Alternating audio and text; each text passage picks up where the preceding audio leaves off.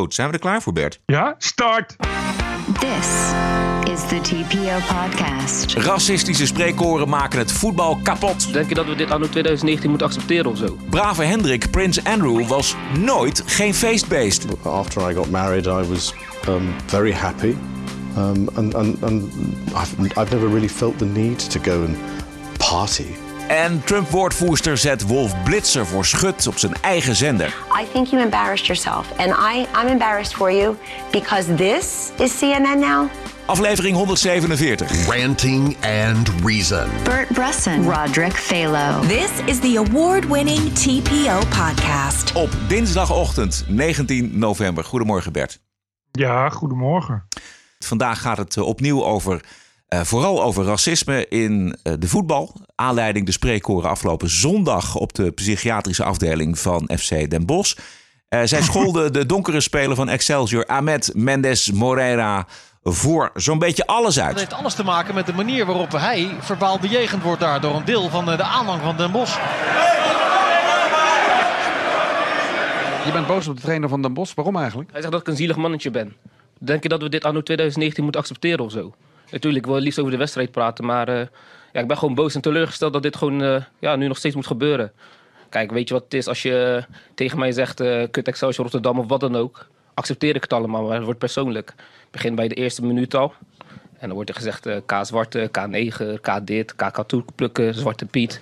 Misschien in rondom de feestdagen krijg je te horen dat zij hebben gedemonstreerd in de stad omdat ze pro-Zwarte Piet zijn. Allemaal leuk en aardig. Dat, dat, dat mag ook. Maar uh, dan is het wel heel toevallig dat het dan tegen mij wordt gezegd, weet je. En uh, dat doet me gewoon heel erg veel pijn. Ja, dat vind ik gewoon jammer. Dit zijn beelden van Fox Sport. En de verslaggever had zijn schoentje al gezet. Um, ook terecht dat je dit duidelijk zegt. Ik ben blij dat je dat ook hier uh, voor de camera zegt. Je noemt een aantal scheldwoorden. En die hebben niks, als jij zegt K9, K zwarte. Dat heeft niks met Zwarte Piet en Sinterklaas te maken. Laat dat even duidelijk zijn. Ja, daarom, dat is het ook. Ja, weet je wat het is? Als je, zegt, als je mij uh, afkat of wat, iets over mij zegt en het is niet persoonlijk, Allah. Ik accepteer het allemaal. We voetballen allemaal. We weten allemaal wat er wordt gezegd van de zijkant. En ik, ik, ik accepteer dit ook. Maar dit kan je niet accepteren. En ik vind gewoon dat er wat tegenaan gedaan moet worden. Ja, en uh, dat vind ik ook eigenlijk. Ben jij een voetbalvolger, Bert? Nee, ik, uh, ik, ik begrijp ook nu vandaag pas ja. dat, dat die, die trainer, dat het niet zijn trainer is, maar van de tegenpartij. Ja, exact. Trainer van, de, van ik, ik las, ik las uh, uh, ik geloof nu.nl nog wel een stukje dat die trainer werd bedreigd, omdat hij hem een zielige mannetje had genoemd. Ja. Maar dat begreep ik al niet. Ik dacht, ja, hij mag toch wel zijn eigen spelen. Maar dat is dus niet van de tegenpartij. Dus ik heb uh, helemaal geen... Maar dit heb ik uiteraard wel meegekregen, ja. Ja, ja. Um, vandaag in de Volkskrant een heel stuk over... Uh, ook een onderzoek over wat er allemaal uh, gebeurt... in de voetbal met donkere spelers. dat is niet niks. Mensen krijgen bananen in hun sporttas. Mm -hmm. worden uitgescholden. ook door de eigen... Uh, trainer en eigen spelers. Uh, dus er is nog wel wat uh, te winnen daar in dat voetbal. Maar wat we zien is politici die het onmiddellijk breed trekken. graag breder ja. trekken. We zien de GroenLinks-leider Jesse Klaver gisteren met een vlammend betoog op Facebook. dat het nou eens voor eens en voor altijd afgelopen moet zijn. Ik vond het toch wel weer een politiek staaltje social media van Jesse Klaver vreselijk. Hij kon ook de beelden niet van zijn netvlies krijgen. Het was echt, echt, ja, het is, het is uh, ja, politiek zoals politiek hoort zijn, dat dan weer ja. wel. Je kan die, die social media, dat social media team van uh, GroenLinks kan zich inmiddels uh, aardig meten met het social media team van Forum voor Democratie. Ja. Laat ik het zo zeggen. Maar je gaat ook meteen denken dat mensen als Jesse Klaver toch eigenlijk ook wel heel blij zijn met al het racisme in het voetbal. Of überhaupt racisme. Want ze kunnen daar elke keer weer heel veel garen spinnen bij een heel klein beetje. Ja. En dat is toch wel, toch wel erg opvallend. Maar wat me wel uh, opviel was dat die ineens, uh, ja, hij gaat uh, nog meer tornen aan de grenzen van de vrijheid van meningsuiting. En wil nu eens, uh, net als in Duitsland, dezelfde wetten op het gebied van social media. En nou, dat gaat best wel ver. Terwijl GroenLinks toch altijd nogal een, qua vrijheid van meningsuiting, liberale, liberale partij was. Ja, alsof je daarmee het racisme uit de samenleving ja. Precies. Dat, dat, dat, gaat natuurlijk absoluut niet gebeuren. Maar het is inderdaad, en dat maakt het verhaal van Jesse Klaver op Facebook zo verdacht dat hij dit als aanleiding gebruikt om dat wat hij eigenlijk wil, namelijk inderdaad uh, een Duitse wetgeving ten aanzien van social media, uh, doordrukken in Nederland. Ja, en ik, ik denk dat toch, tja, het is toch weer GroenLinks dat ze communistische reflexen herkent. Als het allemaal maar lang genoeg tegen zit, dan moeten we maar weer gaan verbieden en censureren. Terwijl, weet je, je kan, uh, het is heel goed, denk ik, als je daar als politicus iets van zegt. Maar je moet het ook niet overdrijven. Ik vind, je hoorde die, die voetballer net zelf. Ik denk dat hij uh, zelf, als hij Jess Klaver leest, ook een beetje moet lachen. Ja, laat ik het zo zeggen. Ja. Weet je, dus het is ook een, een maatschappelijk fenomeen waar je het over moet hebben. Uh, maar GroenLinks doet het alsof dat het enige probleem is. En dat is niet zo. Ik, bedoel, ik denk ook altijd meteen als ik zoiets van GroenLinks lees. Uh, waar, waren de, waar was de opwinding uh, over antisemitisme of over uh, vrouwenonderdrukking binnen islam? Ja. Dan hoor je ze niet. Dus het is, is zo eenkennig als de neten. Ja, selectief. Maar en, en ik, ik, ik vind, ja, als je die voetballer net zelf hoort denk ik van ja, dat is de goede manier om mee om te gaan. Die zegt ook van ja, je, ik, ik lig er ook niet meteen wakker van. Ik ben er wel wat gewend. Dat is ook hoe het in voetbal gaat. Ik denk dat je ook dat nooit helemaal kunt, kunt uitroeien. Ik denk dat dat ook een onderdeel is van voetbal. Je kunt bijvoorbeeld niet uh, uh, verwachten dat de Feyenoord aanhang nooit meer over Joden heeft als ze tegen Ajax speelt. Weet je wel, je, je kan er wel iets van vinden, maar het is iets wat daar binnen gebeurt. En ik denk ook dat binnen de kleedkamer uh, dit soort spelers uh, zowel genoeg gewend is als van zich af kan bijten. En ik denk dat de spelers onderling uh, daar in prima sfeer mee om kunnen gaan. Maar ja, het is natuurlijk wel iets wat je moet bespreken. Waarvan je dat moet zeggen van ja, uh, wat is hier gaande en ja. wat, wat moet je daar tegen doen? Ja, en waar je als politicus ook zeker over mag uitlaten natuurlijk. Misschien Precies. wel moet uitlaten. Racisme is natuurlijk een enorm hardnekkig fenomeen uh, dat waarschijnlijk nooit valt uit te bannen. Exact. Maar je moet het gewoon vervolgen als het gebeurt. De, dat lijkt mij uh, de beste manier. En deze gasten op die tribune, ja, daar la, laten we gewoon kijken wie dat zijn. En laat het FC Den Bosch zelf een zaak beginnen tegen deze gasten. Ja, het is natuurlijk lastig om. Uh, dat is natuurlijk het probleem. Je kan natuurlijk nooit al die mensen eruit pikken die het zijn. Het is natuurlijk een minderheid. Hebben dat 90% van het publiek doet het niet. Nee, en, maar gewoon de mensen die, die daar.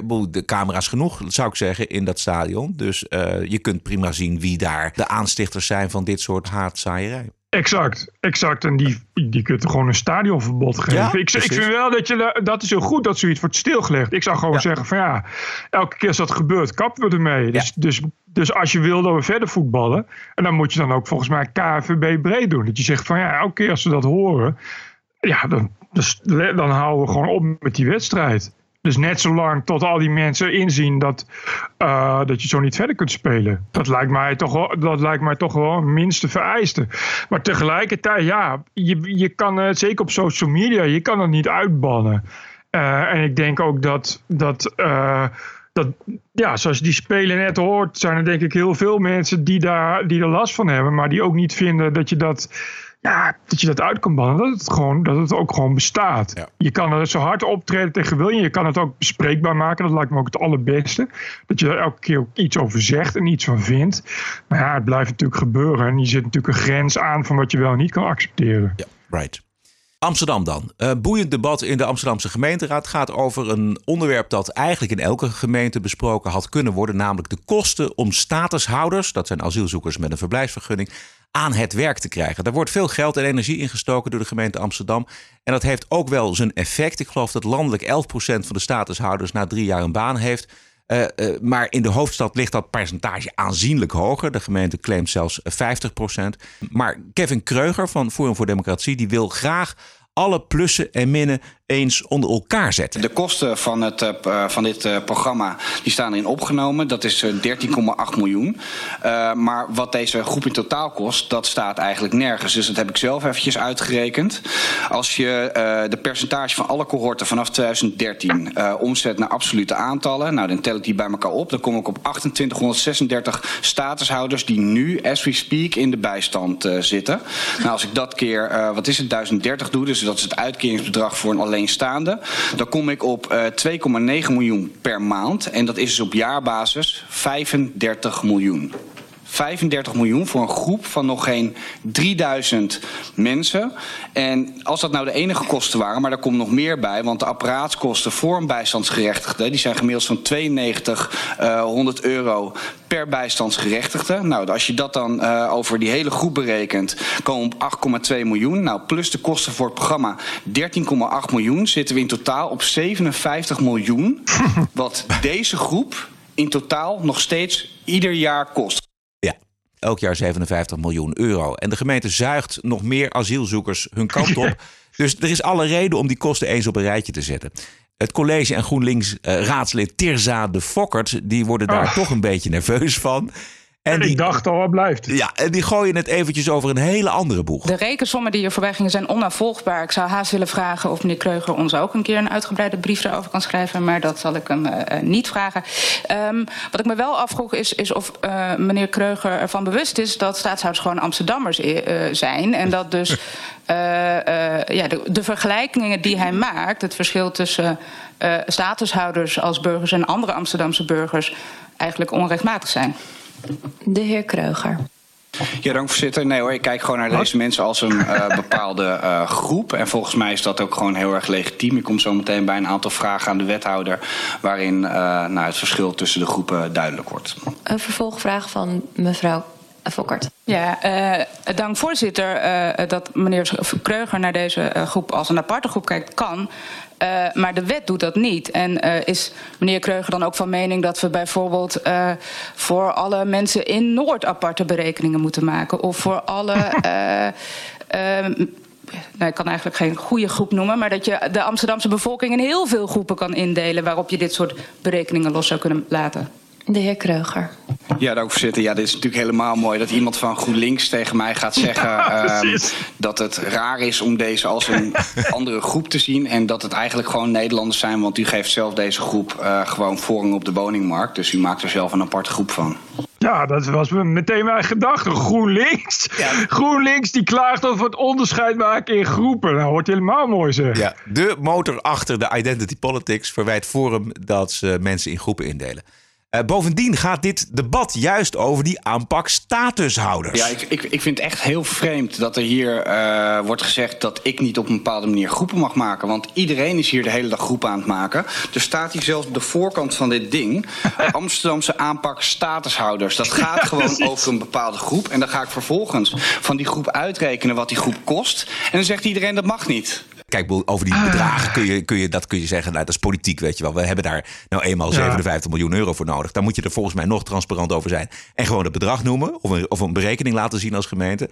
Doen ze niet, maar goed, oké, okay, daar kun je dan over van mening verschillen. Maar dit laatste is, dat vind ik, vond ik zo prachtig. Beeld dat juist uh, GroenLinks, die voortdurend bezig is samen met mij ja. met, met, met Bijeen en de Partij van de Arbeid, al die linkse groepen, het hele jaar door Amsterdam in groepen op te delen etnische groepen, uh, gendergroepen. En dat het, als het ze niet uitkomt, dat het dan opeens verboden is. Het is, bij, bij GroenLinks is het zo'n beetje oneindig geworden wat je aan groepen hebt. Weet ja. je, ik bedoel, als ze niks meer hebben, dan beginnen ze nog maar eens een keer aan een van de 137 genders. Alles om nog maar eens een keer een extra slachtoffergroep aan te boren en daar subsidie voor te vragen. En dan komt die Kevin Kreuger gewoon met een heel realistisch verhaal. Namelijk gewoon een eenvoudige optelsom. Wat dat nou kost zo'n groep. Ja. Uh, en dan krijg je dit, is toch wel een geheel nieuw staaltje, staaltje van uh, wegdraaien, wegdraaien en, uh, en spinnen. Ik, ja, het is GroenLinks in Amsterdam. Het wordt een steeds, steeds groter openlucht clownstheater. Ik volg het op de voet, want ik volg Annabel Nannega op de voet. die nog wel eens aan mij appt van ik, zit nu, ik zit nu in debat en dan kijken wel eens streams terug. En die zetten die dingen ook wel eens online hè, op de Facebookpagina van Forum voor Democratie Amsterdam. Maar je valt er af en toe van, van de ene slaplach in de andere. GroenLinks Amsterdam is een soort. Ja, het wordt een soort, een soort cabaretachtige. Uh, standaard aaneengeregen conferentie of zo. Waarvan je elke keer denkt: is dit echt? Of is dit, is, is dit een soort absurdistisch, experimenteel totaaltheater geworden? En weet je wie, de, wie er nou ook Amsterdammers zijn, Bert? Dat zijn nou, de uh, criminele asielzoekers uit veilige landen als zeggen. Algerije, uit Marokko. Die de hoofdstad onveilig maken, blijkt uit het tv-programma Bureau Burgwallen. Maar hoe kan het dat je dan naar Nederland komt, dat je dus in zo'n AZC mag wonen, maar je eigenlijk alleen maar je bezighoudt met hier in het weekend rousen. Nou, Deze meneer die komt volgens mij uit een veilig land vandaan, Algerije. Eh, en dat is dus net zoals Marokko. Dat zijn de twee landen die, eh, waar, waar hun eh, inwoners van met kop en schouders bovenuit steken. In, eh, allemaal naar Nederland komen en naar Duitsland. En dat zijn eigenlijk puur gelukzoekers. Ja, dit is een uh, politieagent in het programma. En dit mag dus niet. Um, want dat kan zij niet staven met uh, statistieken. Want die statistieken mogen niet worden bijgehouden door de politie.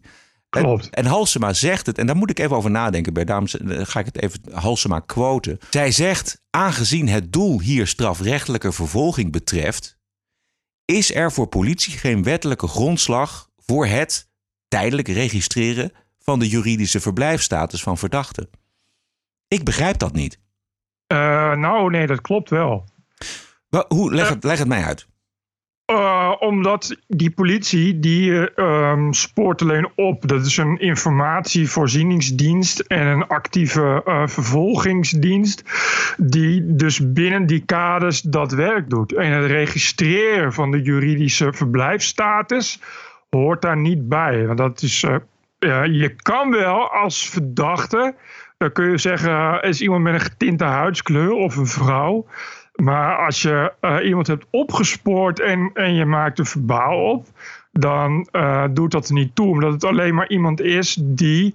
Uh, je beschrijft alleen maar wat iemand voor, voor daad heeft begaan. Ja, oké. Okay, maar, en, ja, maar, ja. en, niet, en dus niet van is het een illegaal of niet, of is het een asielzoeker of niet. Nee, oké, okay, maar dat zou dus betekenen dat je dus iemand niet voor twee misdaden zou kunnen oppakken. He, dus iemand kan maar één misdaad doen. Want iemand, een, een, misdaad is namelijk ook dat iemand illegaal in Nederland verblijft. Dat vinden we niet, maar dat is het, dat is het natuurlijk wel. Dus, ja, maar daar is de vreemdelingenpolitie voor namelijk. Oké, okay, dus dat, daar moeten eigenlijk twee verschillende politieagenten voor zijn. Nou ja, die, kijk, de vreemdelingenpolitie of, en de IND, die moeten zich daarmee bezighouden. Die politie kan dat wel dan die oppakken, maar dan moet je dus worden uitgeleverd.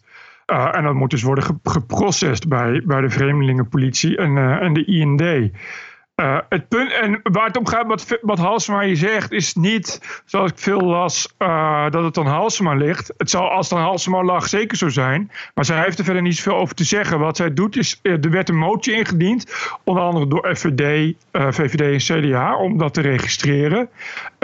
en wat zij doet is, is de gemeenteraad adviseren om die motie wel of niet aan te nemen. En zij zegt, ik adviseer om die motie niet aan te nemen, want als je dat doet ga je op een zeker moment worden teruggefloten door de rechter, omdat, het, omdat de politie dit, dit niet kan doen. Je kan ja. dat wel uh, de opdracht geven van de politie, maar uh, daar gaat de rechter weer een stokje voor steken, omdat het niet bij de wet past. Ja. En die Halsema is namelijk burgemeester, staat boven de partijen en die kan die moties verder niet veranderen. Ze kan alleen maar advies geven. Ja. En het ligt verder niet aan haar. Dus haar persoonlijke mening doet er niet zoveel toe. Interessant is, Annabel Nanninga en FVD daar een heel uh, een stokje voor staken door te zeggen van dit klopt. Maar het is zo dat de politie al lange tijd uh, een labeltje hangt aan opsporingen. Namelijk opsporingszaak X, Y of Z. Wat uh, bijvoorbeeld bij opsporings, opsporingszaken die onder labeltje X vallen, betreft opsporingszaken van uh, kansloze asielzoekers. Dus dat is het officieus registreren van uh, uh, van dus inderdaad de etnische achtergrond of de juridische verblijfstatus. Dus het kan wel en het gebeurt ook al. Er is alleen geen wettelijke basis voor, dus moet het op een andere manier. Aha. En, en dat, is, dat vond ik heel slim bedacht, ook van, van FVD. En dat is natuurlijk iets wat al lang gebeurt. En dat is namelijk gewoon het wegschrijven van uh, je statistieken onder een bepaald labeltje. Wat ja. natuurlijk altijd gebeurt. En dat is ook de reden waarom we, waarom we weten dat het nu tegenwoordig bijna alleen maar dus kansloze asielzoekers zijn. Dat is niet alleen omdat één agent in het programma Burgwallen dat vindt. Dat is omdat het gewoon uh, ja, zo wordt geregistreerd. Ja. Het kan alleen niet op die manier verbaliseerd worden. Dus er is wel een mogelijkheid om het, twee problemen in één aan te pakken. Alleen niet officieel. Je kan dan dus niet, dat is het probleem waar het hier over gaat. Je kan dan niet zwart op wit als bewijs aanvoeren dat het voor 99% asielzoekers Algerije en Marokko zijn. Bij de rechter bijvoorbeeld. Of bij de Raad van State of whatever het is waar jij een officieel bewijs van nodig hebt. Want dan kun je als politie alleen maar zeggen: ik heb verdachten opgepakt en verbaliseerd die zich bezig hebben gehouden met. Maar je kan wel, als de Telegraaf ernaar vraagt, zeggen van ja hoor, ik kan binnen één minuut zien hoeveel, eh, om wie het gaat, om welke dadengroep het gaat. Ja. En dat is dus een juridisch verschil. En dat is waar Halsema het dan over heeft. En dat was het probleem van die motie. Je kunt wel over het probleem spreken en Juist. statistieken erbij halen. Juist, maar je kan dat niet aan de politie vragen. Oké. Maar dat, dat is dus hetzelfde aan, als aan de politie te gaan vragen om vogels te tellen of zo. Weet je wel? Ik wil, politie is een opsporingsdienst. Ja. Dus dat is het hele punt. Oké. Dus je, je kan het wel verder onderzoeken. Er is geen wet die dat verbiedt. Dus het gebeurt ook. Ik bedoel, dat is, bedoel, we hebben het natuurlijk al heel lang over kansloos asielzoekers uit de Apel en weet ik veel wat. Eh, en eh, in Nederland eh, wordt het wel onderzocht, niet zoveel. Dat is natuurlijk omdat niemand zich eraan wil wagen. En ik vermoed dat als de Femke Halsema GroenLinks ligt, dat ook verboden wordt. Maar je kan het wel onderzoeken, dat is het probleem verder niet. Oké, goed zo. TPO Podcast. Ik las vanmorgen in de krant dat accountant KPMG en een grote verzekeringsmakelaar hun handen aftrekken van de Britse prins Andrew. Zij waren belangrijke sponsors van hem. Aanleiding is natuurlijk het dramatische interview dat de prins gegeven heeft aan BBC Newsnight. Uh, onderwerp was uh, zijn relatie met de veroordeelde kinderverkrachter Jeffrey Epstein. Interview gezien, Bert? Uh, een stukje, maar voor de rest uh, heb ik het uitgebreid meegekregen ja. in de Britse tabloids. Ja, ja. Niet, het is niet dat het onopgemerkt nee, is gebleven, nee, nee, zal ik maar zeggen. Het was zo rampzalig dat de, de PR-man van het Koninklijk Huis... die toestemming heeft gegeven voor dit interview... onmiddellijk ontslagen is. Uh, het hele interview duurt 50 minuten. En het enige wat je de hele tijd ziet... is eigenlijk een volstrekt ongeloofwaardige, wanhopige, domme man. Ik heb een paar fragmenten geselecteerd, Bert. We gaan gezellig samen luisteren met de luisteraars. Because you, you were perceived by the public as being the party prince. Was that something you well, shared? I think that's um, also um, a bit of a stretch. Um, I don't know why I've, I've, I've um, uh, collected that title because I don't, I, I never have really partied. Um, uh, I was single for quite a long time um, in the early 80s. Um, uh, but then after I got married, I was um, very happy. Um, and and, and I've, I've never really felt the need to go and party. And certainly going to um, Jeffrey's was not about partying. Absolutely not. Nee, totaal niet. Absoluut geen feestbeest, die Andrew. He threw a party to celebrate his release, and you were invited as No, the guest go. of honor. Oh, in 2010, that there wasn't certainly wasn't a, a, a party to celebrate his release in December because it was a small dinner party. There were only eight or ten of us, I think, at the, at, at the dinner. If there was a, if there was a party, then I'd know nothing about that. You were invited to that dinner as a guest of honor. Well, I was there, so there was a dinner. I don't think it was quite as as you might put it, but yeah, okay, I was there for I was there at a dinner. Yeah. I'm just trying to work this out because you said you went to break up the relationship, and yet you stayed at that New York mansion several days. I'm wondering how Yeah, long. but I was would- doing a number of other things while I was there. But you were staying at the house of Yes. a convicted sex offender. It was a convenient place to stay. Het interview is zo fantastisch. Ik vind haar ook geweldig. Ja, ja. Het Dat enige, het enige wat een zijn. goede vraag. Hele goede, geweldige vragen. En ook nog met een zekere distantie, zekere schroom. Je ziet het aan haar gezicht dat ze het bijna niet durft te vragen. Maar ze vraagt het natuurlijk omdat iedereen het wil weten. En zij wil weten wat er aan de hand is. Dus ze is nog eigenlijk heeft een soort van bijna een soort van compassie met hem. En hij weet zich geen raad. Want hij is gezien bij dit feestje, wat hij geen feestje noemt. Witnesses say they saw many young girls coming and going at the time. There is video footage of Epstein accompanied by young girls. And you were there staying in his house, catching up with friends. I never. I mean, if they were, then um, I, wasn't a party to any of that. I never saw them. I mean, you have to you have to understand that that that, that his house. I, I described it more as a, as a as as a almost as a railway station, if you know what I mean, in the sense that there were people coming in and out of that house all the time. Um, what they were doing and why they were there, I had nothing to do with. So I, I'm afraid I, I can't make any comment on that because I, I, I really don't know. Uh, another guest was John Brockman, uh, the literary agent. Now, he described Really? seeing you there getting a foot massage from a young Russian woman. Did that happen? No. So John Brockman's statement is false. Well, I wouldn't, I wouldn't, I don't know Mr. Brockman, so I don't know what he's talking about.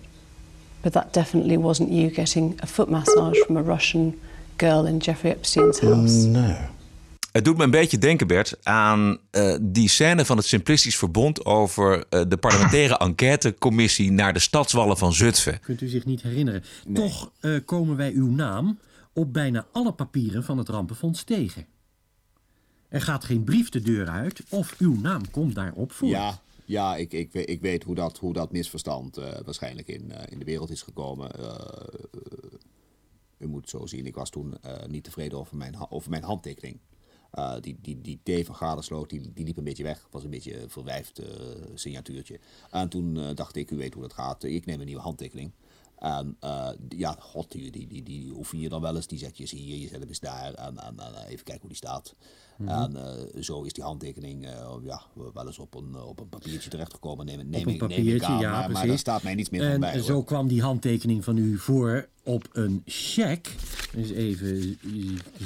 Ik las, eh, volgens mij was het The Guardian, maar iemand die zei: Dit is geen trainwreck. Dit is meer een Boeing 747 die in een in olietanker eh crasht. En die olietanker vervolgens een natuurramp veroorzaakt. Waardoor er uiteindelijk een nucleaire ontploffing plaatsvindt. Ja, ja. En het is, hij heeft ook volgens mij moment ook over, want er is een foto dat, dat die, dat die een van die meisjes die naar voren is gekomen, daar staat hij gewoon mee op de foto. Dat hij ook een arm om haar middel. En dan Virginia gewoon- Roberts is dat, ja.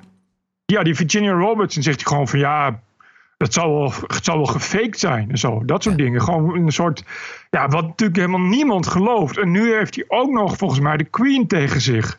Die, eh, de Queen zelf, die ook niet blij is met het interview.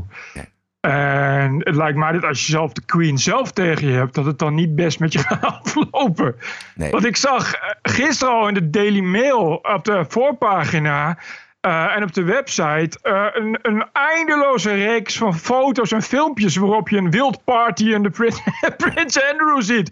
Inclusief jonge vrouwen en heel veel zweten. Dus ik geloof niet dat dit goed gaat aflopen voor hem. Ik heb me de afgelopen dagen afgevraagd waarom hij dat interview nou gegeven heeft. En eh, toen zag ik op een Amerikaanse zender het interview met de interviewster van Newsnight. En zij zei dat hij het interview gegeven heeft omdat hij in zijn werk voor goede doelen eh, eh, het eigenlijk niet meer kon hebben over die goede doelen, omdat het voortdurend ging over die relatie met Jeffrey Epstein. Alle vragen gingen daarover. En hij wilde daar Oh. nou eens een keer voor eens en voor altijd een einde aan maken.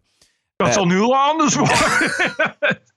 Maar Dus het, het tegenovergestelde effect is bereikt natuurlijk. Want het bedrijfsleven haakt af voor al zijn projecten. Angst voor reputatieschade natuurlijk. Dus hij kan het, hij kan het wel helemaal schudden.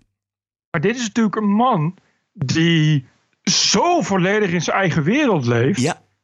Dat, en dat is, daarom geeft hij ook dit soort antwoorden. Het is iemand die ook oprecht gelooft dat hij daarmee wegkomt. En dat, dat als de prins het zegt, dat iedereen dan zegt: Oh, dan zal het wel waar zijn. Wat natuurlijk ook de reden is waarom die, waarom die überhaupt. Ja, dit is natuurlijk iemand die zo mijlen, mijlen, mijlen ver van, van alles, alles weg staat. Die heeft geen idee, denk ik, ook van, van de impact. Dit is iemand die, die- ja, ik kan me ook niet voorstellen dat die PR-man die is ontslagen. Die heeft volgens mij, denk ik wel eerst drie maanden gezegd: dit moet je niet doen. En ja, dus iemand, er moet ergens een kop rollen.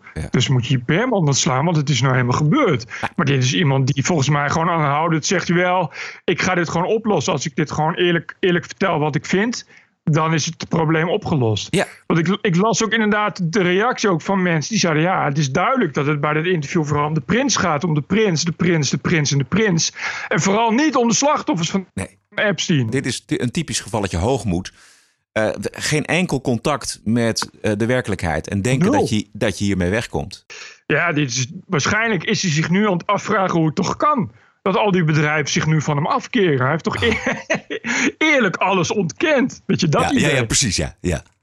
Ja. Ik las ook al eh, mensen die, die inderdaad zeiden... nou ja, de, de, de kannen er kan gewoon een, een internationaal politieonderzoek naar hem volgen.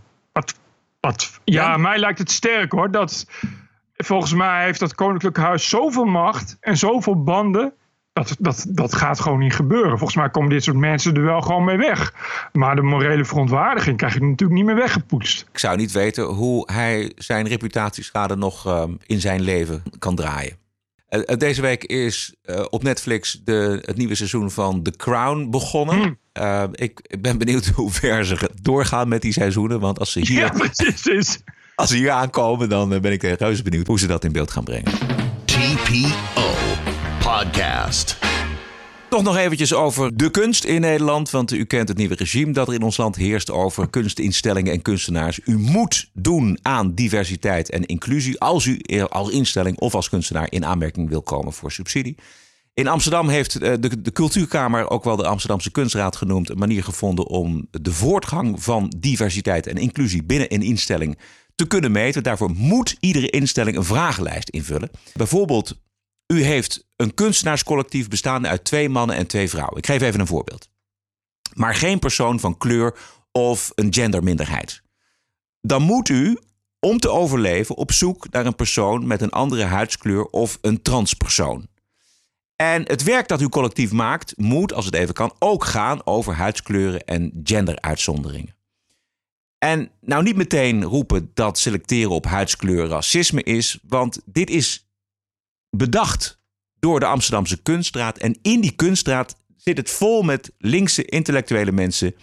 En die zijn niet racistisch, ook niet als ze selecteren op huidskleur, tot ze een bloksnor hebben.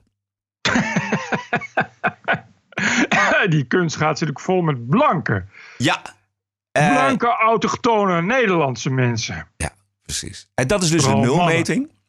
En eh, als je een beetje slim bent, en dat is het Stedelijk Museum, dan eh keil je een poster online en roep je via social media als Sint Piet in het land arriveren heel hard dat je als Stedelijk Museum dat werkelijk alles, alles te maken heeft met het Sinterklaasfeest, het, het vreedzame protest steunt van Kick-Out Zwarte Piet. Ja. Dus dat is hielelikken bij de Amsterdamse Kunstraad in ruil voor wat extra subsidie. Ja, dat klopt. Moet ik daar nog wat over zeggen? Daar, daar hoef je niks eh, over te zeggen. Maar het volgende is het geval. Eh, het idee, al een beetje geopperd volgens mij de vorige keer. Namelijk die hele verslaving aan overheidssubsidies, die moet je eigenlijk gewoon door het toilet trekken. En als je nou echt onafhankelijke kunst wil maken, dan eh, is de oprichting van een groot fonds waar hele rijke en minder rijke mensen geld in stoppen nodig. Dat vind ik ook, dat is wel een goeie. Eigenlijk zou dat, dat zou landelijk zo moeten zijn. Ja, precies. En er zijn namelijk eh, er zijn particuliere musea, er zijn particuliere fondsen. En dat moet alleen maar meer uitgebreid worden. Op Twitter kwam Seibert van Lienen met hetzelfde idee. En Eddie Terstal die schreef... Kunst mag en zal soms politiek zijn... maar politiek mag zich nooit met de inhoud van de kunst bemoeien. En al helemaal niet met publieke gelden als dwangmiddel. Zo werkt een open samenleving niet. Dus er is volgens mij best animo voor onafhankelijke kunst. Dus weg van die overheidssubsidie. Ja, ehm, dit is best wel interessant. In Amerika werkt het ook zo. Je, je, je werkt gewoon met een, met een mecenas. En mm, eh, rijke mensen zijn zich bewust van hun verantwoordelijkheid die ze hebben. Bovendien is belasting aftrekbaar, zal ik maar zeggen. Eh, en je houdt daardoor gewoon een onafhankelijk, onafhankelijke cultuur in stand. Eh, we hebben wel, de vorige keer met, met, toen we Kirak bespraken, krijg je dat eh, miljonairs die dat steunen zich daarmee willen bemoeien. En dan komt het uiteindelijk weer op hetzelfde neer, want iedereen wil deugen. Dus dat is een nadeel. Maar het is beter dan dat je subsidie moet gaan aanvragen bij de overheid. Omdat daar dus een overheid tussen zit. En je wil, dat horen we nu alweer, eh, niet dat een overheid zich met kunst bemoeit. En een politieke lijn uitzet. De vorige keer eh, deed je zo'n oproep Ja. eh, om, om subsidie aan te vragen voor inclusieve kunst. die juist kritiek heeft op die inclusiviteit. Ja. Kun je dat nog herinneren? Ja, dat kan ik me goed herinneren, ja. Ik heb daar wel al eh, drie mailtjes op binnengekregen. Echt waar? Van, van mensen die dat serieus willen. Dus eh, ik, het lijkt mij dat mensen daar even over blijven mailen. Als, ze als ze dat willen, dan kunnen we dat ook, ook wel gaan doen, denk ik, op den duur. Maar ook over dit. Dat we uh, mensen in elk geval aansporen en, en wakker maken om dit soort dingen te gaan doen. Exact. Ja, je ziet het aan het Stedelijk Museum. Natuurlijk al verschrikkelijke, verschrikkelijke dingen van zien. Als je, als je dat soort advertenties online zet, dan weet je dat het al heel ver is. Dat, dat heeft allemaal niets meer met kunst te maken. In Nederland is het nog zo afhankelijk van het subsidieadvies. Dat zie je ook op het moment dat iemand voorstelt om daar toch eens in te gaan bezuinigen. Dan krijg je weer een mars voor de beschaving. En dat soort geleuten. Terwijl het zou veel meer in moeten dalen dat kunst juist subsidievrij moet zijn. Dat, dat juist andere mensen daarvoor moeten betalen. En dat is iets, uh, ja, daar hebben we in Nederland heel veel moeite mee. Uh, en da daar moet het debat over gaan. Dus als iemand daar ideeën over heeft, zoals Siewert van Linden, wat natuurlijk iemand is met veel volgers en veel invloed, uh, lijkt me dat heel goed als het, als het daar vaak over gaat. Laten we dat idee levend houden. Uh, uh, en voor degenen die hebben gemaild, ik, ik lees gewoon die mailtjes, ja. dus het wordt wel verzameld en dan komen we er ook wel op terug. De mails. Ja, ik wou net zeggen, als we het toch over uh, mails hebben, dan kan ik net zo goed even voorlezen. Ja, want we krijgen uh, sinds onze oproep veel mensen binnen die uh, ons mailen dat ze hebben gedoneerd of niet. Maar in elk geval mailen dat ze ons ondersteunen. Oh, ik moet hem even, het kan zijn dat hij weer even iets wegvalt. Maar ik moet hem even weer terug ik, even, ik heb er zelf ook eentje gevonden. Ah, mooi, doe jij begin even, ik. Begin je. Hoi Bert en Roderick, goed bezig. Hier wat basic vleierij. Blijf zo doorgaan. Ik kijk iedere week weer uit naar jullie nieuwe podcast. Mede ook omdat mijn vriendin Bert altijd zo leuk nadoet als ik hem op heb staan. Oh Hij... ja, die had ik ook, maar die had ik genegeerd. Oké, okay. het is een, een poos geleden, maar heb toch weer eens gedoneerd. Mede dankzij het gemak van PayPal. En fijn om bij TPO de vrijheid te hebben om Chris Alberts wel of niet te lezen. Maar ja, dat heb je bij elke krant. En dan uh, wordt er een, uh, een knipoog gegeven. Veel succes jongens. Fijn geluid bij TPO. Groetjes van Daniel. Mijn naam is uh, Remco en ik ben een trouw luisteraar naar jullie podcast. Ik mis er geen één sinds ik jullie ontdekt heb. Ga zo door, heren. Daarnaast ben ik ook nog eens FVD-stemmer die het met jullie eens is over controversie rond de heer Alberts. Het kan dus toch. Vrijheid van meningsuiting geldt voor iedereen. Ik wilde jullie al eerder aanschrijven in de week dat ik gedoneerd heb, maar was hier tot nu toe niet aan toegekomen. Ik heb alleen een vraag voor jullie. Wanneer en waar kunnen wij een lijst van boeken verwachten die jullie aanraden om te lezen? Dit is wel een goed idee trouwens. Uh, hebben jullie al meerdere malen over gehad tijdens de podcast met vriendelijke groeten Remco. Dat is wel goed, ja. Roderick, want jij komt ook vaak met boeken die. Uh, ja. Die, even kijken. Dat moet allemaal op de, op, de web, op de nieuwe website van de TPO Podcast. Ja, precies. Beste Bert en Roderick, het moest er een keer voorkomen. Te lang heb ik meegelift op de donaties van anderen. Hierbij ook mijn gift. Fan van jullie podcast. Vaak het meest eens met Roderick. Sorry Bert, maar je rent zijn zo nu en dan ook lekker om naar te luisteren. Hou dit geluid vol. Stem het overigens niet te veel af op de vraag van de luisteraars. Eens met Bert dat je zo nu en dan ook nog eens tegen de stroom in moet kunnen durven. Maar dat zit bij jullie wel goed, denk ik. Juist een eigen mening hebben is volgens mij helemaal... is volgens mij helaas wat heden ten dagen nogal eens iets is dat ondergeschikt is aan de juiste mening. Ik moet even mijn scherm wat groter zetten, want ik heb een bril nodig, zie ik alweer. Zo. Uh, ik hoef geen vermelding. Ja, juist jullie komt alle eer toe en dat wilde ik jullie even meegeven. Vriendelijke groet en nou, ik zal hem niet noemen in dat geval. Uh, Andreas Vos. Andreas Vos is al fan van mij van het eerste uur. Is volgens Andreas Vos. Dat zal ik even vermelden alvast nog voordat ik dit ga uh, hem voorgelezen. Was volgens mij de eerste die een TPO-abonnement nam. Omdat hij blij was dat hij kon betalen voor Bert Brussen. Maar dit even, te, even tezijde. Beste Bert en Roderick. Sinds aflevering 0 ben ik al een trouwe luisteraar van de podcast. En heb sindsdien geen aflevering overgeslagen. Het is een vast ritueel op mijn dinsdag. Ondanks dat ik natuurlijk een conservatieve revo ben. En ook nog millennial. En Bert mij ooit een liberale SGP'er heeft genoemd. Wat ook daadwerkelijk waar is. En natuurlijk voortdurend gekwetst wordt door jullie atheïstische liberalen.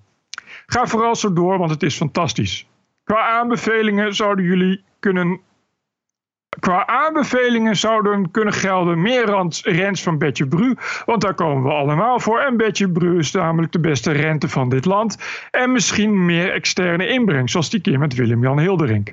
Met vriendelijke groet Andreas Vos. PS, ik doneer maandelijks via Patreon. PPS, je mag dit voorlezen. Uh, Andreas Vos is inderdaad uh, SGP-lid. En die zit elke zondag Ja, vier uur in de, vier uur in de kerk te zingen op uh, hele noten. Oké, okay. uh, alles genoteerd trouwens, hè? Alle, alle wensen. Uh, ook ik heb vandaag weer, beste Bert en Roderick, ook vandaag heb ik weer genoten van jullie podcast. Met name de analyse van de politieke hypocrisie rond burgerdoden door F-16-bommen en over de gele hesjes vond ik weer boeiend en bevestigen mij in mijn wereldbeeld.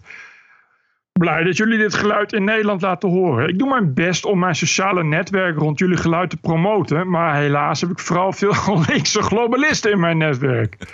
Ga zo door, SVP, en blijf inderdaad kritisch op alles en iedereen. Ik ben net verhuisd en had me voorgenomen om daarna voor een jaar vooruit te doneren. Dat heb ik vandaag gedaan met een donatie van 104 euro. Zo hoort het. Geweldig. Zie het maar als mijn interpretatie van waarde voor waarde. Hoop dat het jullie een beetje helpt en fuck Facebook. Keep up the good work. Hartelijke groet, Maarten Fres. PS, ik vind het leuk als jullie mijn naam noemen in de podcast. Nou, dat is bij deze gebeurd, Maarten Fres. Even kijken, nog één. Steven Koppens. Thanks voor de podcast, mannen. Stukje realiteitszin in deze doorgeslagen waanzin van vandaag de dag. Kleine bijdrage van mijn kant. Groet, Steven Koppens. En nog eentje? Ja. Ah, Bert en Roderick, ik hoef veel geen vermelding in de podcast voor hier en daar een donatie. Maar als je wilt weten wie je luisteraars zijn, wil ik dat best vertellen. Ik ben 37, werk bij een welzijnsorganisatie en luister vrijwel wekelijks. Het duurde even om te wennen aan de wat scherpe stem van Bert, maar dat gaat nu zo goed dat ik zelfs tijdens mijn vakantie in China de afgelopen weken nog een keer naar de podcast heb geluisterd. Het luistert fijn weg, het is altijd te kort en ik ben altijd benieuwd naar de nabrander. Vooral als deze eigenlijk nergens over gaat. Groet van Jenny. Leuk, geweldig. Uh, iedereen hartelijk dank. Ook iedereen die geen mailtje gestuurd heeft. Uh, doneren kan via tpo.nl slash podcast. Daar vindt u alle mogelijkheden om te doneren. En als je uh, ons een feedback wil geven, heel graag. Het adres is info.tpo.nl. This is us. Yep. This is our country. This is CNN breaking news. I believe that the president is literally an existential threat. Stop the hammering out there. Who's got a hammer? Make America great again. New York Times and CNN have also smeared veterans like myself. This video was taken during a heated exchange with an unidentified man who called Cuomo Fredo. Stop the hammering! This is the TPO podcast. News 630 WMAL, Washington.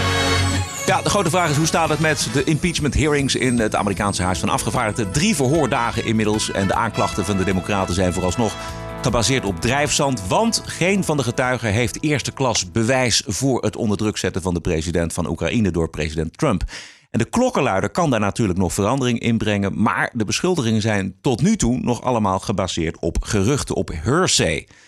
Uh, op CNN zag ik een commentator, Bert, die dit een serieus probleem vindt voor de hele impeachment-procedure. Because the one criticism of these two witnesses, which I think is very much legitimate, it's not really a criticism, it's just a factual statement, is that neither of them had direct contact with the president. Ever. Ever. And, yeah. and yeah, that's a problem if you're going to impeach the president. Ja. En hoe verdedigen de Democraten dit gebrek aan bewijs? Een democratische afgevaardigde uit de staat Illinois beweert dan dat geruchten vaak beter bewijs zijn dan direct bewijs. Uh, and, and if, I guess to close uh, primer on hearsay, I think the American public needs to be reminded that countless people have been convicted on hearsay because the courts have routinely allowed and created needed exceptions to hearsay. Hearsay can be much better evidence than direct. Hearsay can be much better evidence than direct evidence. Nou, als dat zo is, dan uh, schiet dat lekker op. Weet je, je hoeft alleen maar wat uh, te verzamelen en ben je klaar natuurlijk. Ja. Ik ben alleen bang dat, dat dan straks de Senaat daar, het daar iets minder mee eens is. Ja. Maar goed, dat, is dan, uh, dat zie je dan wel weer. Ja, ja precies. Nee, het, het, levert voorlopig nog niks op. En de vraag is natuurlijk of überhaupt de klokkenluider gaat getuigen. Dat willen de Democraten niet. Uh, de, de, want, nou ja, goed. Dat, ik, ik denk niet dat dat ervan gaat komen. En dan in die tussentijd kunnen we misschien kijken naar wat er allemaal uh, op CNN gebeurt. Want uh, deze week was het weer buitengewoon ernstig, moet ik zeggen. Want we weten allemaal, eh, hoe CNN van een betrouwbare nummer 1 nieuwszender is afgedaald tot eh, de, de rioolpolitiek in naam van de journalistiek. En verslaggever Wolf Blitzer, die zijn carrière begon als oorlogverslaggever ten tijde van de Eerste Irak-oorlog, weet je nog wel. Die, dat is een soort kruising geworden tussen Evert Santegoed en Albert Verlinde. Bij hem aan tafel eh, zit de Witte Huiswoordvoerder Kellyanne Conway. En de man van Kellyanne Conway, George Conway, dat is een gewone advocaat, maar ook een criticaster van president Trump. De baas van zijn vrouw dus. En wat is er nou smeuiger dan een beetje stoken in een goed huwelijk? Blitzer? A final question, a sensitive question, uh, and it's it's a political question. It's a substantive question. I don't want to talk about your marriage. I know that there are, there are, there are issues there. Your husband, George Conway, he's a Did- lawyer. did you just say? Your husband, George No, no, Conway. did you just say there are issues there? You don't want to talk about marriage? I don't want to talk about no. I don't want to talk. Why did you say that? I don't want to talk about your marriage. I don't want to talk about your. I want to talk about a substantive point that your husband, George Conway, made. He was on television all day yesterday during this, the first day of the impeachment hearings, and he said this about the president of the United States. I just want your reaction to the substance of what so he before said. you play the clip, which I haven't seen, why and why are you doing that? Because, because he's a legal scholar, he's a lawyer, and he was really going after the president of the United States, and he was and, all over and the relevance television yesterday. And and come on, I just want you to- I just- roll. and he's married to me. But, you know, it- it- he happens to be married to you. What's but you can run that? the you can run the clip of Jeffrey. He happens to be married to me. That's bizarre. En Ja, dus, en vervolgens draait Blitzer een quote van haar echtgenoot. En Blitzer vat de uitspraak nog even samen. He was using uh, the power of the presidency, its most unchecked area, foreign affairs, to advance his own personal interests as opposed to the country's. That is his opinion. And we, I don't think MSNBC was lacking for anti Trump voices. And we've heard things like that said on CNN for three years. And we've heard things like that said on that network for three years and elsewise. And where, honestly, where is the shame? Where is the introspection of people who have said for three years, respectfully, Wolf, actually beginning in May of 2017, I'll quote your wife's husband right now. I won't talk about your marriage, but I'll quote, quote your wife's husband. 2017, you asked Angus King, are we getting closer to impeachment? I mean, where does anybody ever feel badly about getting it so wrong? We sort of look the other way of how wrong everybody was here and elsewhere with the elections. I was on your network every single day as gracefully and respectfully as I could, laying out the case as to why Donald Trump would beat Hillary Clinton. I have a living, breathing video catalog, which is why I don't worry about anything when people say, Well, I always knew he'd win. I said it all the time. Really? Because you were sleeping when I was on TV in the morning and at night. So we have a living, breathing catalog on CNN and elsewhere. Here's why we're going back to Pennsylvania. Here's why we're going. It's the same stuff all the time. What you just quoted is said every single day by other voices, but you wanted to put it in my husband's voice because you think somehow that that'll help your ratings or that you're really sticking it to Kellyanne Conway. And let me make very clear, you didn't stick it to Kellyanne Conway. I think you embarrassed yourself. And I, I'm embarrassed for you because this is CNN now. Go, Kellyanne Conway. Juist. Inderdaad, go. Is zij nu de, de nieuwe perswoordvoerder of, of wat, wat doet ze? Nou, zij is de, een, een van de woordvoerders, maar de, denk ik de belangrijkste woordvoerder is zij van eh, de president. Ja, want die anders net weg, toch? Hoe heet ze? Ja, nee, dat is dan van het Witte Huis als geheel. En Ah, zij, is, zij is zijn persoonlijke eh, woordvoerder. Dus zij haalt de hete kolen uit het vuur voor Trump. En dat doet ze buitengewoon goed, al vanaf het allereerste begin. Ze is een van de weinigen die nog steeds in de staf zit van de Amerikaanse president. Dit doet ze ook heel netjes. Ja, doet ze heel netjes. En, maar hoe laag is dat CNN Ja, gezakt? We, we zeggen het wel vaker. En, en dan eh, krijg ik bijvoorbeeld op mijn werk wel eens te horen van... ja, maar ja, het is nog wel CNN, weet je wel. Maar die mensen hebben geen idee meer hoe deze zender is afgedaald. Eh, er zijn er die, die veel eh, macht en glans heeft verloren. Ja. Zo'n Blitz is toch ja, ook een beetje een onderdeel van het establishment... waar mensen dan tegen stemmen als ze tegen Trump stemmen. En dat heb je dan zelf niet door, kennelijk. En dat is natuurlijk heel, het is heel tragisch en heel triest. Goed, tot zover eh, deze aflevering nummer 147. Vindt u dit nou een leuk geluid, een belangrijk geluid? Steun ons dan met een donatie. Dat helpt ons en de podcast. En u helpt er uzelf ook mee. Waarderen en doneren kan op tpo.nl slash podcast. E-mailen waarom u doneert, dat kan via De, het adres info.tpo.nl. Wij zijn terug dinsdag 26 november. Heb een mooie week en tot dinsdag. Ja, tot dinsdag. TPO Podcast. Bert Bruson, Roderick Balo, Ranting and Reason.